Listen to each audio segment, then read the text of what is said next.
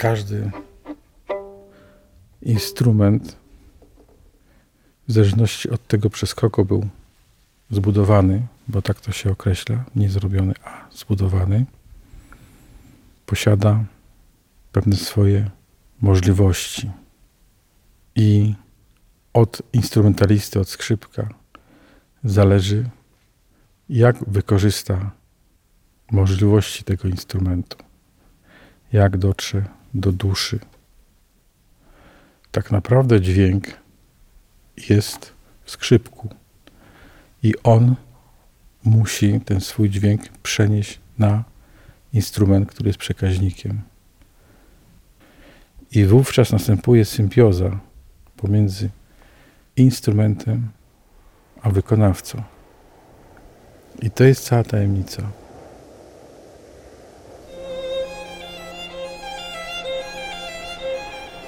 Minęło już kilka lat, odkąd w lokalnej telewizji ukazał się film z udziałem Grzegorza Cholewińskiego, muzyka Filharmonii Lubelskiej, który postanowił podarować drugie życie zabytkowym skrzypcom. Wiadomo było, że skrzypce należały niegdyś do więźnia obozu koncentracyjnego. Po latach, po śmierci ich właściciela, zostały sprzedane przez rodzinę. Telewizja powtarzała wzruszający dokument kilkakrotnie. Pewnego dnia zobaczył go pan Kazimierz Rosiński z Lubartowa. Przyjechałem z pracy i proszę panią, włączyłem telewizor i końcówkę zobaczyłem tego filmu. I tam padło słowo właśnie, że na tych skrzypiach prawdopodobnie grał więzień obozu koncentracyjnego. Jak ja to usłyszałem, no to mnie tknęło. Przecież ja wiem, że to były skrzypce mojego wujka, Adolfa Karasiuka. To był taki przypadek. To był mój wuj, urodził się w 1900 roku. Żakowola Stara w powiecie radzyńskim. To było gniazdo rodzinne. Było dwóch braci i cztery siostry. Moja mama była z 902 roku. I on, nauczyciel, grał na skrzypcach. Jak zwykle, bo on kończył seminarium nauczycielskie w Siedlcach, to jeszcze za caratu. Kiedy skończył, jeszcze nie miał przydziału, no kończyła się pierwsza wojna światowa. I on założył taką szkółkę we własnej wsi. Już zaczęła się organizacja szkół. Państwo zaczęło organizować i on dostał przydział, bo to wtedy przydzielało. Kuratorium przydzielało. Ale jeszcze muszę wrócić na chwilę. Przydział właśnie do Żakowoli dostała moja późniejsza wojenka. Dziewczyna, która przyjechała z Bieszczad, Wiktoria na imię miała. I proszę panią, młoda dziewczyna, nauczycielka. No tutaj trafiła na nauczyciela.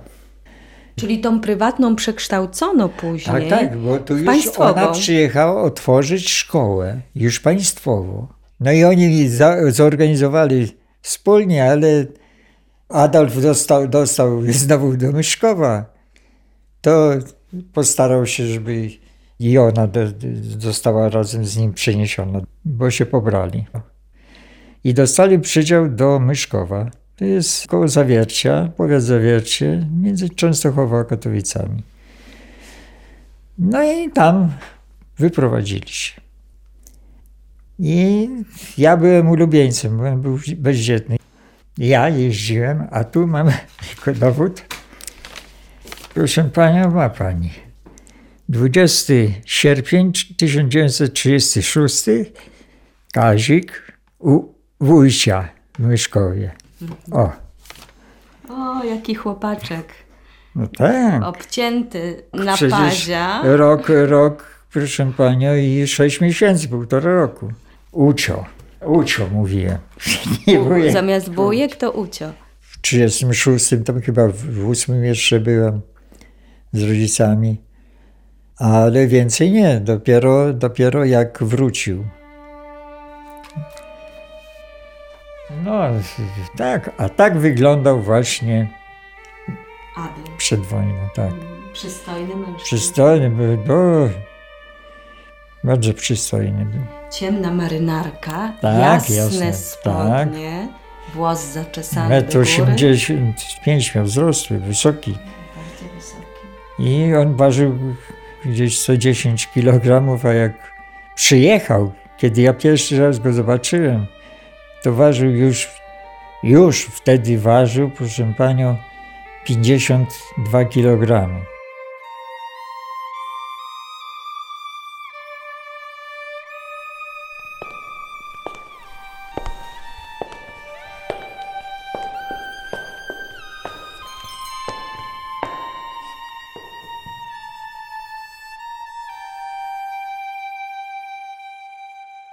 Kościół, a właściwie bazylika Dominikanów.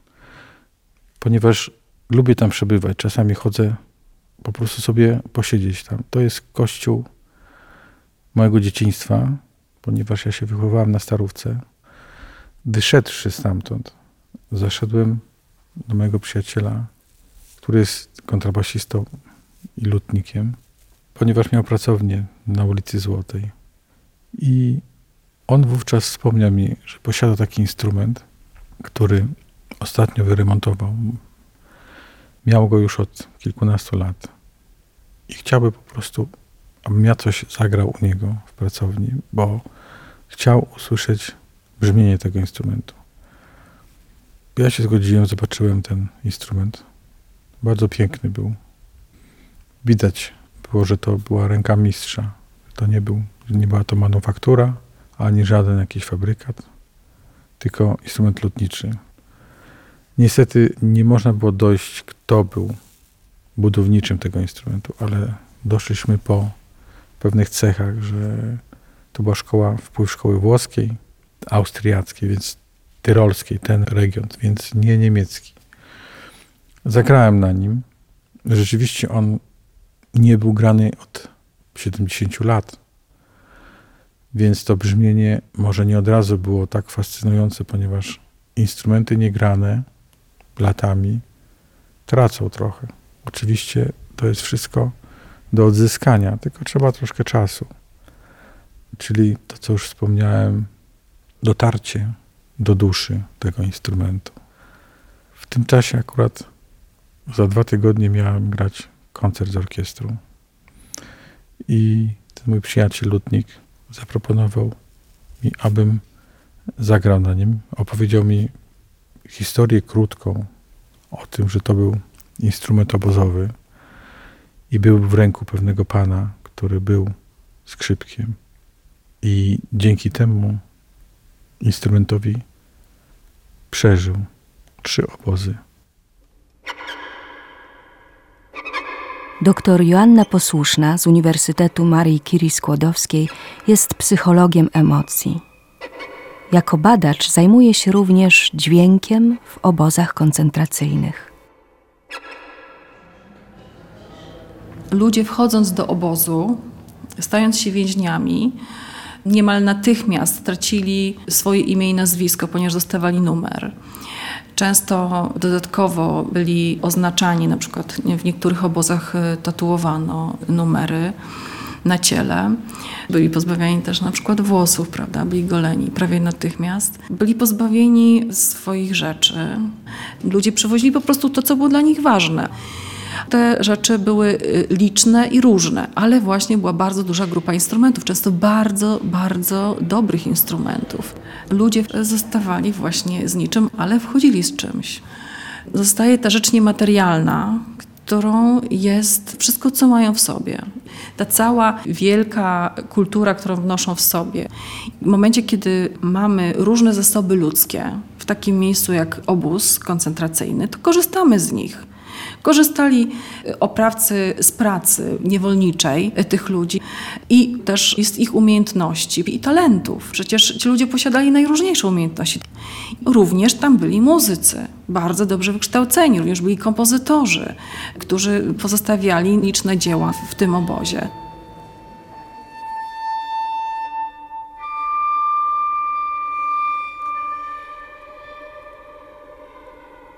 Adolf 1940 roku został aresztowany i osadzony został w pierwszym obozie Grossrosen, Rogoźnica, między Katowicami a Wrocławiem. Strzegą Jawor. Na tej trasie tam był obóz, on nie istnieje, bo Niemcy wysadzili, zlikwidowali. Przeniesiony został do Auschwitz, do Oświęcimia.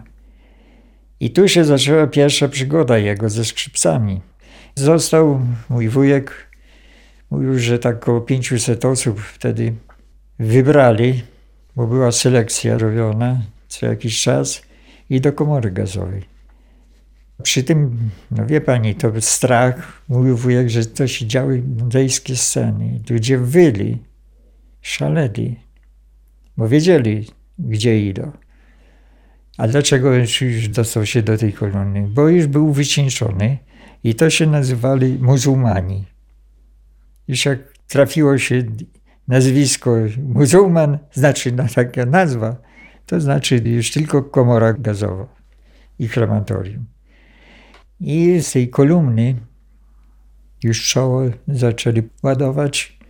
Grupa komando wyciągała trupy i opróżniali komory gazowe i ładowali następnych. I jego wyciągnęli właśnie ci, którzy prawdopodobnie, to ja tak przypuszczam, że już Pilecki może był w tym czasie właśnie w obozie w Oświęcimiu. I on organizował takie tajne, te, no, ratunek między sobą. Starali się uchronić ludzi kultury, sztuki, żeby przetrzymać, żeby jakoś nie, nie wyginęli. I ją wzięli do orkiestry obozowej. Już, jako, żeby, już jako taki wycieńczony tak, człowiek. Tak. Żeby uratować go, bo tam po cichu wiedzieli, że nauczyciel. I takich wtedy, jak wujek mówił, to chyba około dziesięciu osób wydobyli. Przeżył tu, uniknął tej śmierci i został wywieziony do Dachau. I w Dachau podobna scena była. Też z kolumny wyrwano go do orkiestry. To mówi, to było coś potwornego. Tu wycie, szaleństwa. Ci ludzie to byli nie ludźmi już wtedy. I Niemcy, żeby zagłuszyć to, to musieli grać potężna orkiestra. I dlaczego? No skąd instrumenty? Przecież zrabowane. Rabowali w całej Europie. I tam dostał skrzypce. Te właśnie skrzypce. Z którymi przeżył i przywiózł do Polski.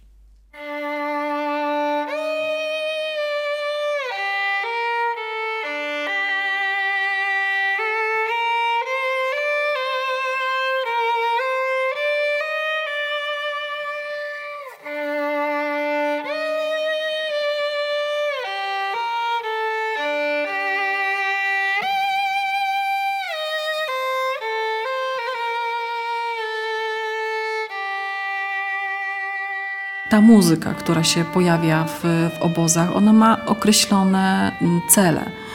Himmler zezwolił na tworzenie na przykład orkiestr y, w obozach w 1939 roku, po to, by służyły na przykład rozrywce y, załogi obozów. SS-mani mieli mieć szansę relaksu przy na przykład wysłuchiwaniu repertuaru wielkich niemieckich, na przykład romantyków. Pamiętam właśnie tutaj takie wspomnienie jednego okrutnika, który był również snajperem. Dziennie potrafił zabić wielu więźniów. On płakał na koncertach orkiestr. Po prostu ronił łzy przy muzyce niemieckich kompozytorów. I tutaj na przykład ósma symfonia Schuberta często jest wspominana w różnych obozach właśnie, że była grana i lubiana.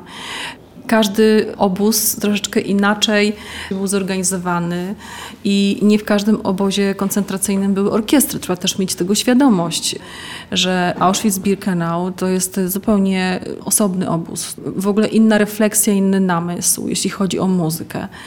Tam do historii przeszły osoby, które prowadziły orkiestry. Tam też wśród muzyków byli często muzycy, którzy byli pochodzenia żydowskiego, którzy się też ratowali, bo oni po prostu też e, tracili życie. To ich po prostu nie chroniło ale muzykę, którą Himmler po pozwalał grać, również e, ta muzyka miała też służyć do takiego akompaniamentu przy dramatycznych wydarzeniach, jak na przykład wykonywanie egzekucji czy kar cielesnych. Również muzyka po prostu w jakiś sposób dynamizowała grupy, czyli na przykład w momencie, kiedy grupa więźniów miała wymarsz do pracy y, z obozu i powrót do obozu, to w momencie, kiedy narzucano bardzo ostry rytm w, w, utworze, to były marsze po prostu, no to możemy sobie wyobrazić, to byli ludzie, którzy po prostu walczyli o życie i taki szybki rytm marszy często po prostu ich obezwładniał. No właśnie mówimy o muzyce, ale na przykład więźniowie często mówią, jeśli mam powiedzieć, co słyszałem, to na przykład słyszałem krzyki. Nawet to Sznel, Sznel, jeden z więźniów Majdanka, Kwiatkowski, pisał, że wszystko trzeba Sznel, nawet umierać trzeba Sznel.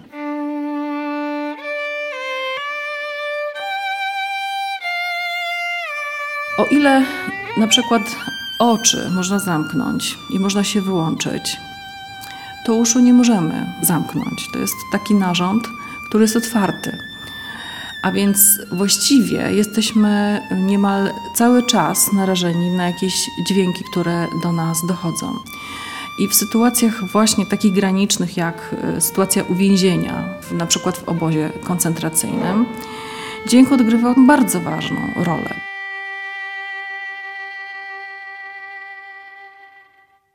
Moja decyzja, jeżeli chodzi o zagranie na tym instrumencie koncertu, który był za dwa tygodnie, e, była z mojej strony spontaniczna, ale z drugiej strony, tak sobie pomyślałem, to wszystko się działo bardzo szybko. W ciągu dosłownie kilku minut ta decyzja powstała. Oddania, gdyby hołdu ludziom, którzy zginęli, którzy przeszli katorgę i przeżyli, w zasadzie dla wszystkich, którzy przebywali wówczas w obozach. I drugi jeszcze aspekt jest taki, że ten instrument po 70 latach mógł przemówić po raz kolejny. Oczywiście na początku te pierwsze dni do koncertu nie były łatwe, ponieważ instrument ten był dla mnie nieznany. Dobrze jest pograć troszkę na danym nowym, innym instrumencie, żeby przyzwyczaić się, ponieważ posiada troszeczkę inną menzurę, czyli odległości pomiędzy palcami. Stradivari robił inne, Guarneri inne. One mają troszeczkę minimalną różnicę. Więc palec postawiony w jednym miejscu, w innym instrumencie będzie troszeczkę miał inną wysokość. I to jest po prostu przestawienie się na inny instrument, ale podjąłem się i to był listopad, chyba szósty, z tego co pamiętam. Zagrałem na nim pod dyrekcją naszego obecnego dyrektora Wojciecha Rodka cztery pory roku Antonio Vivaldiego. I tak zaczęła się moja przygoda z tym instrumentem, na którym miałem przyjemność jeszcze pracować przez około rok.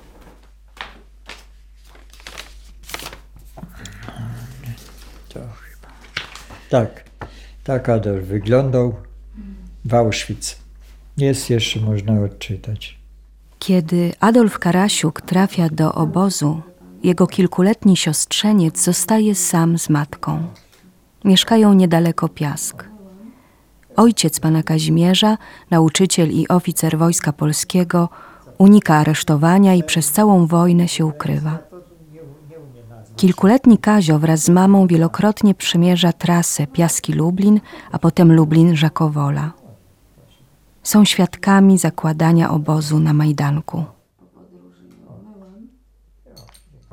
Jechaliśmy raniutko do pociągu koło Świdnika, naprzeciw Świdnika. Las Krępiecki. Proszę panią, ranek, no takie zamglenie tego, ale jedziemy, gdzieś jakiś, jakiś smród zaczyna się. I taki pas mgły ciągnący się przez pola. Tu jasno, nigdzie nie ma tylko taki pas mgły. Proszę Pana, myśmy do tego dość dojechali. Koń dęba nie chce iść, ale matka to była taka prosta dziewczyna ze wsi, ale praktyczna. Do, do gospodarza mówi, weź pan marynarkę i owinąć łeb i mówi tego, pomału przy tego. Smród, palili ciała. Z Majdanku nie było jeszcze na Majdanku krematorium, no 41 rok. I proszę panią, ten smród. Nie zapomnę. Zapomnę. To ja teraz jak jadę na grób brata do Piasku, to do tego miejsca dojadę i wszystko wraca.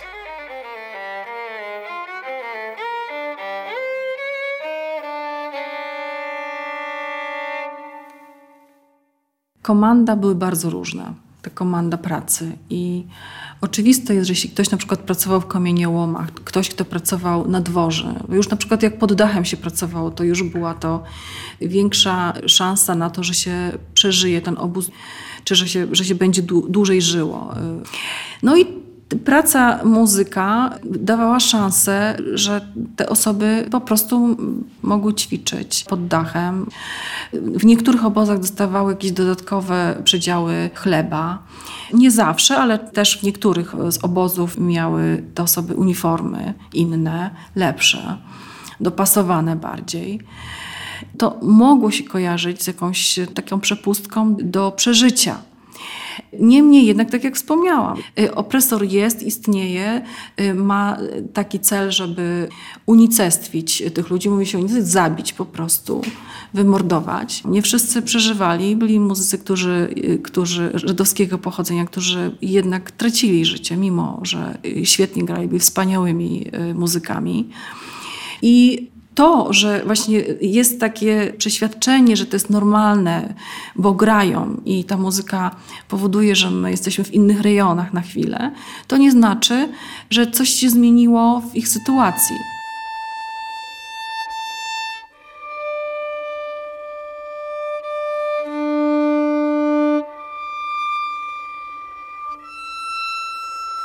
Miałem przyjemność przez sezon grać na tym instrumencie. I praktycznie to nie było próby, nie było ćwiczenia, abym nie myślał o historii tego instrumentu. Zawsze lubiłem spoglądać na ten instrument, wyobrażać sobie, że ktoś przeżył obóz, ale nie tylko, ponieważ instrument ten miał 200 czy ponad 200 lat. Kto na nim grał wcześniej? Gdzie ci ludzie są? Co się z nimi działo? Kim oni byli? Jakimi skrzypkami? Czy mieli rodziny? Jak ten instrument przechodził z rąk do innych rąk? Znając zaledwie kilka faktów z życia Adolfa Karasiuka, ja też chciałabym wyobrazić sobie, jaką był osobą. Dom Kultury Myszków. Proszę pani, ja szukam śladów pana Adolfa Karasiuka, który był nauczycielem w Myszkowie. Czy pani może spotkała się z tym nazwiskiem? E, wie pani co, e, tak się akurat zdarzyło, że byłam uczennicą szkoły numer jeden, gdzie był pan Karasiuk dyrektorem. Ojej, to wspaniale. Tylko, że nie było to długo, bo byłam dzieckiem, może od 1 do 3 klasy Także pamiętam tylko tego pana y, dyrektora jako wysokiego, dosyć y, takiego męskiego mężczyznę. Miał numerek wytatuowany na, na ręce. Każdy taki był przerażony, jak to można było na ręce wytatuować taki numer. Mam taki obraz, taki utwierdzony, że jest apel szkolny na holu, pełna grupa dzieci od 1 do 8 i pan dyrektor wchodząc do, do tego holu zrobiła się cisza. Każdy już cichutko stał i grzecznie słuchał. Taki respekt każdy czuł przed nim, że umiał do nas dotrzeć, że ma być zachowany spokój, porządek i ład. A czy pojawia się w Pani wspomnieniach instrument, skrzypce? Nie, nie, nie kojarzę sobie. Nie kojarzę sobie skrzypiec. Pani Elza Moren z Domu Kultury w Myszkowie zachęca do kontaktu z pochodzącym z Myszkowa historykiem profesorem Kazimierzem Miroszewskim, wykładowcą Uniwersytetu Śląskiego. To od niego dowiaduje się, że Adolf Karasiuk już przed wojną był osobą powszechnie znaną. Założył drużynę harcerską, udzielał się też politycznie, popierając stronnictwo narodowe, czyli działał w opozycji w stosunku do sanacji. Okres wojny mm, to oczywiście Myszków w tym czasie był włączony do III Rzeszy Niemieckiej, stąd też włączył się do tajnego nauczania. No i to było pewnie głównym powodem, dlaczego został aresztowany przez Niemców. Został aresztowany w nocy z 19 na 20 listopada 1941 roku i potem jego cała wędrówka po obozach koncentracyjnych. To znaczy KL Auschwitz, na początku w tym obozie auschwincimskim, potem przybywał w obozie w Brzezińce, czyli w Birkenau, a później w obozach koncentracyjnych w Gross-Rosen i w Dachau.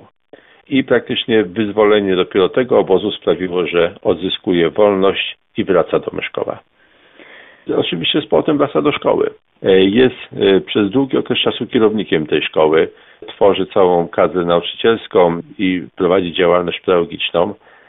Słynny jest oczywiście, oczywiście jako taki bardzo twardy dyrektor. Możliwe, że i ten czasy obozowe wpłynęły na jego taką, a nie inną postawę, ale był jednocześnie traktowany jako bardzo dobry pedagog, pomimo trudnego charakteru. Włączył się też do działalności, mm, można powiedzieć, politycznej. On y, tym razem był już członkiem PPR-u, czyli Polskiej Partii Robotniczej, a potem e, po zjednoczeniu tych partii e, działa członkiem PZPR-u. Ten nowy system go pociągnął, przyciągnął. Przyciągnął, ja myślę, że może też i ze względu na, na, to, na to pewne społecznikostwo. Uznał, że, że może to jest faktycznie jakaś e, nowa możliwość funkcjonowania i działalności. Nie był we władzach. We władzach partyjnych, tych, tych takich gminnych czy miejskich nie był. Także typowo jako, można powiedzieć, działacz partyjny nie występował. Jako działacz społeczny tak, natomiast jako typowy działacz partyjny pomimo przynależności e, to nie występował. Był religijną osobą? Był bardzo religijny, później już się zachwiał po powrocie. Bo tylko usłyszałem jego zdanie, gdzie był Bóg, kiedy to się działo. To jedno zdanie mi utkwiło. I chyba do końca to już jakoś był taki bardziej obojętny. No bo to, to jest złamany człowiek psychicznie i, i pod względem wiary załamany. Kiedy odszedł wujek Adolf? No gdzieś 80 chyba drugi rok. No o skrzypcach to nikt nie wiedział. Wyjechałem, no, no leżałem, mówię, wujenko, czy mogłabyś mi po wujku dać na? Mówi, masz się, chcesz, to proszę bardzo. No i ja to przywiozłem i tak trzymałem, aż grać nie mogłem, nie, zresztą nie umiałem. Dlaczego pan chciał dostać te skrzypce? No jako pamiątkę po wujku. Ja w ogóle nie miałem pojęcia, że one jakąś wartość mają. Na szafie leżały futerale i tyle. I aż do chwili sprzedaży, bo byłem w takiej sytuacji, że szukałem każdego grosza. Grałem na tym instrumencie przez rok i po roku wrócił do mojego przyjaciela, do właściciela skrzypiec. I chyba dobrze, że tak się stało, ponieważ za jakiś czas miał kolejne zadanie ten instrument. W roku 2017 instrument ten nabyła młoda skrzypaczka. I 17 dokładnie kwietnia spadł śnieg i było bardzo, bardzo ślisko. Ta osoba, która kupiła ten instrument, miała go w futerale, takim, który nosi się na plecach. Teraz są takie futerały nowoczesne, to zwykle młodzież, młodzi ludzie noszą na plecach. Poślizgnęła się i upadła na plecy. I ten futerał razem z instrumentem zamortyzował upadek, bo mogła uderzyć głową o lód i różnie to mogłoby się skończyć. Niestety instrument został całkowicie zmiażdżony. Osoba nie doznała żadnego urazu. Ten instrument po raz kolejny uratował człowieka. Jednak jest to niezwykłe, że wujek Adolf te skrzypce zabrał ze sobą do No. domu. Przecież Przecież jedyna była po prostu i pamiątka, która mu uratowała życie. Bo nazwijmy to po imieniu. Bo gdyby nie te skrzypce, gdyby nie umiał grać, to by były spalone. wyobraża pan sobie siebie w takich okolicznościach? Co to trzeba z siebie wykrzesać, jaką moc, żeby grać w obozie? Myślę, że ten pan, który w czasie obozu grał na tym instrumencie, nie tylko musiał być odporny psychicznie, ale też wydobyć z siebie tę odporność. To dawało mu nadzieję, a zawsze nadzieja powoduje, że człowiek zaczyna troszeczkę inaczej funkcjonować. Ten instrument pomógł mu jako przyjaciel. Ja myślę, że on go traktował jak przyjaciela, który daje mu siłę do tego, aby tę odporność swoją utrzymać, żeby za wszelką cenę przeżyć. To jest taki brat, instrument.